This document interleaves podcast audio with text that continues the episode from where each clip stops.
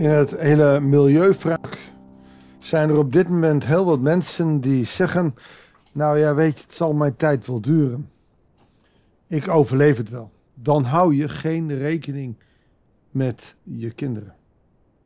Het gekke is hoe positief we ook kunnen zijn over Hiskia. Zo eindigt ook een klein beetje zijn leven. Nou, dat geldt dan lekker voor mijn opvolging. En dat is heel raar, want dat past niet bij wie hij tot nu toe is. Maar zo zie je dat ook Hiskia. Gewone mensen is goeiedag. Hartelijk welkom bij een nieuwe uitzending van het Bijbels Dagboek. We lezen 2 Koningen 20, de versen 12 tot en met 21. In die tijd stuurde koning Berodach Baladan van Babylon, of Babylonië, de zoon van Baladan, die had vernomen dat Hiskia ziek was. Gezanten met brieven en een geschenk naar hem toe. Hiskia nam hun boodschap in ontvangst en liet hun al zijn schatkamers zien: het zilver, het goud, het reukwerk, de kostbare oliën en ook zijn arsenaal en alles wat er in zijn magazijnen bevond. Waarom doe je dat? Je hebt net 15 jaar extra gekregen. Je mag leven, regeren, werken, voor God je werk doen. Je hebt verlenging gekregen, je lag op sterven. En dan komt er iemand uit Babylonië. Dat is op dat moment nog niet de vijand, dat is Assyrië. Babylonië ligt verder. Maar we merken hier al dat Berodach Baladan aan het onderzoeken is wat mogelijk is. En dan komt hij met geschenken en dan gaat hij al zijn hebben en houden laten zien aan deze onbekende mensen. Het zijn, het zijn afgezanten. Er was niets in zijn paleis of in zijn rijk dat de Skia hun niet liet zien. Wat ga je nou eigenwijs zitten doen? Arrogant, kijk eens wat ik allemaal heb. Bovendien laat je je enorm in, ja, in de kijkers zien.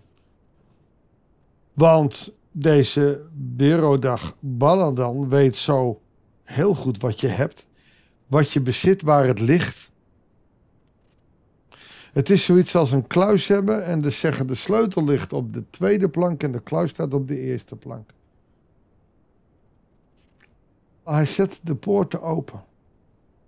Hij heeft God niet geraadpleegd. Wat doe ik? Maar ook enige vorm van bescheidenheid is er niet. God heeft hem genezen. En vervolgens gaat zijn ego weer aan de gang. Ik denk dat dat ook nog wel eens het geval is met ons mensen. Ontvangen de zegeningen van de Heer. En ons ego laat zien hoe goed wij het hebben. Gek hè? Dat wij daar zo gevoelig voor zijn. De profeet Jesaja ging naar koning Hiskia toe en vroeg hem: Wat hebben deze mannen tegen u gezegd? En waar komen ze vandaan? Nou, uit een ver land, antwoordde Hiskia, uit Babylonië. Alsof dat dus belangrijk is voor de Heer. En wat hebben ze in uw paleis te zien gekregen? vroeg Isaiah. En Hiskia antwoordde: Ze hebben alles gezien. Alles wat zich in mijn paleis bevindt. Er is niets in mijn magazijnen dat ik er niet heb laten zien. Een grote fout hierin is wat we in Psalm 24 lezen, horen in het lied van Psalm 24, wat Skia zou moeten kunnen kennen. Alles is van de Heer. Nou vraagt Jesaja ook, wat hebben ze in uw paleis laten zien? Ze hebben alles gezien wat er in mijn paleis bevindt. Het is het paleis van God. Er is niks van ons bij. Waarom moeten wij er arrogant over doen? Waarom moeten wij laten zien wat wij allemaal hebben? Ook in onze tijd. De buitenkant is vaak protserig genoeg. Duur huis, dure auto. Maar waarom moeten ze alles weten? Het zou een goede les zijn voor Eskia om iets bescheidener te zijn. En misschien doet hij dat vanuit zijn enthousiasme. Hij is genezen en hij is blij met alles wat hij heeft. Toch is de vraag of dat oké is. Hierop zei Jesaja tegen Hiskia. Luister naar wat de Heer te zeggen heeft. Als Jesaja zo begint, dan komt er wat. De dag komt dat alles wat zich in uw paleis bevindt, alles wat uw voorouders tot nu toe hebben vergaard, naar Babel zal worden versleept. Er blijft niets van over, zegt de Heer. Ook een aantal van uw zonen, het nageslacht dat u hebt verwekt, zal worden weggevoerd om dienst te doen in het paleis van de koning van Babylonië. Wauw. Slecht nieuws. God was er dus echt niet van gediend. Dat al die schatten even getoond werden aan een stiekeme vijand. Hiskia antwoordde: Het is goed wat u namens de Heer tegen mij gezegd hebt. En nou komt hij, want hij dacht bij zichzelf: Dat betekent dat er zolang ik leef rust en vrede zal heersen. En waar hij hier dus niet mee bezig is, is zijn kinderen. Nee, voorlopig is het even rust en vrede. Onder mij, onder mijn regime zal het rustig zijn. Gek hè? In plaats dat hij zich nu op de borst slaat en zegt: Oh Heer, vergeef mij. Want ik heb nu de toekomst van mijn kinderen vernacheld alleen door mijn arrogantie en hoogmoed. Nee, ik denk, nou, het zal mijn tijd wel duren. En zo denken wij vaak ook, als je het hebt over klimaat en milieu. Maar ook heel vaak wel over de kerk. Laten we maar houden bij het oude. Dat zal mijn tijd wel duren. En hoe het dan voor je kinderen is, ja, weet je, dat moeten ze dan zelf maar zien. Minnen. In plaats dat wij nu al werken naar de kerk van de toekomst. Nou, oké, Jezus is de koning van de kerk, hij moet het doen.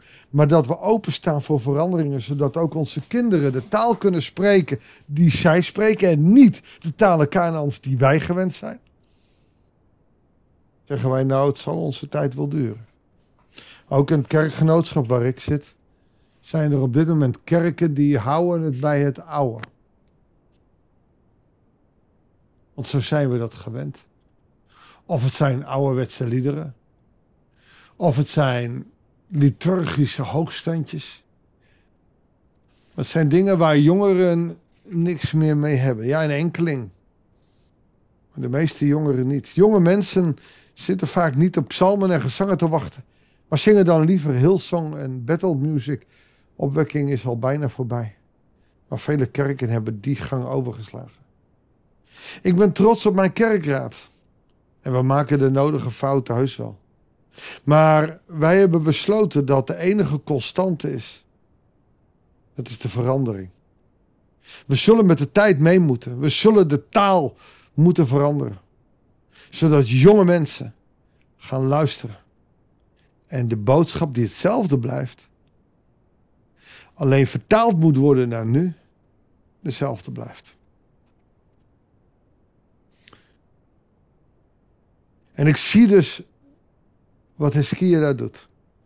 En heel veel mensen, ook in de kerken, hebben neiging dat te zeggen. Wacht maar tot ik dood ben, dan kunnen ze daarna wel wat dingen veranderen. Omdat veranderingen eng zijn. Omdat we dan in een kerk zitten waar we niet meer gewend aan zijn. Oh wee, als de kerk dicht moet. Dan doen we weer een heiligschennis. Zo wee, als ons kerkgebouw verhuurd of verkocht wordt aan een supermarkt. Of wat er onlangs in een plaats waar ik eerder heb gewoond gebeurd is, dat een hervormde kerk een moskee werd. Weet je, wij moeten bouwen aan een kerk van Christus. En dan zullen we met de tijd mee moeten. En dan kunnen we niet blijven zitten waar we zitten. We moeten geen trucken uithalen. We moeten geen lokprijsjes hebben. We moeten het pure evangelie vertellen en kijken wat de taal van deze tijd is. En voor de meeste mensen, deze, in de middengroep die we nu hebben, is dat niet een psalm of een gezang. Is dat niet hoogstaande liturgie. Maar is dat gewoon lofprijzing door opwekkingsliederen. En hou me te goed. Soms denk ik, oh man, even een lied of een liedboek.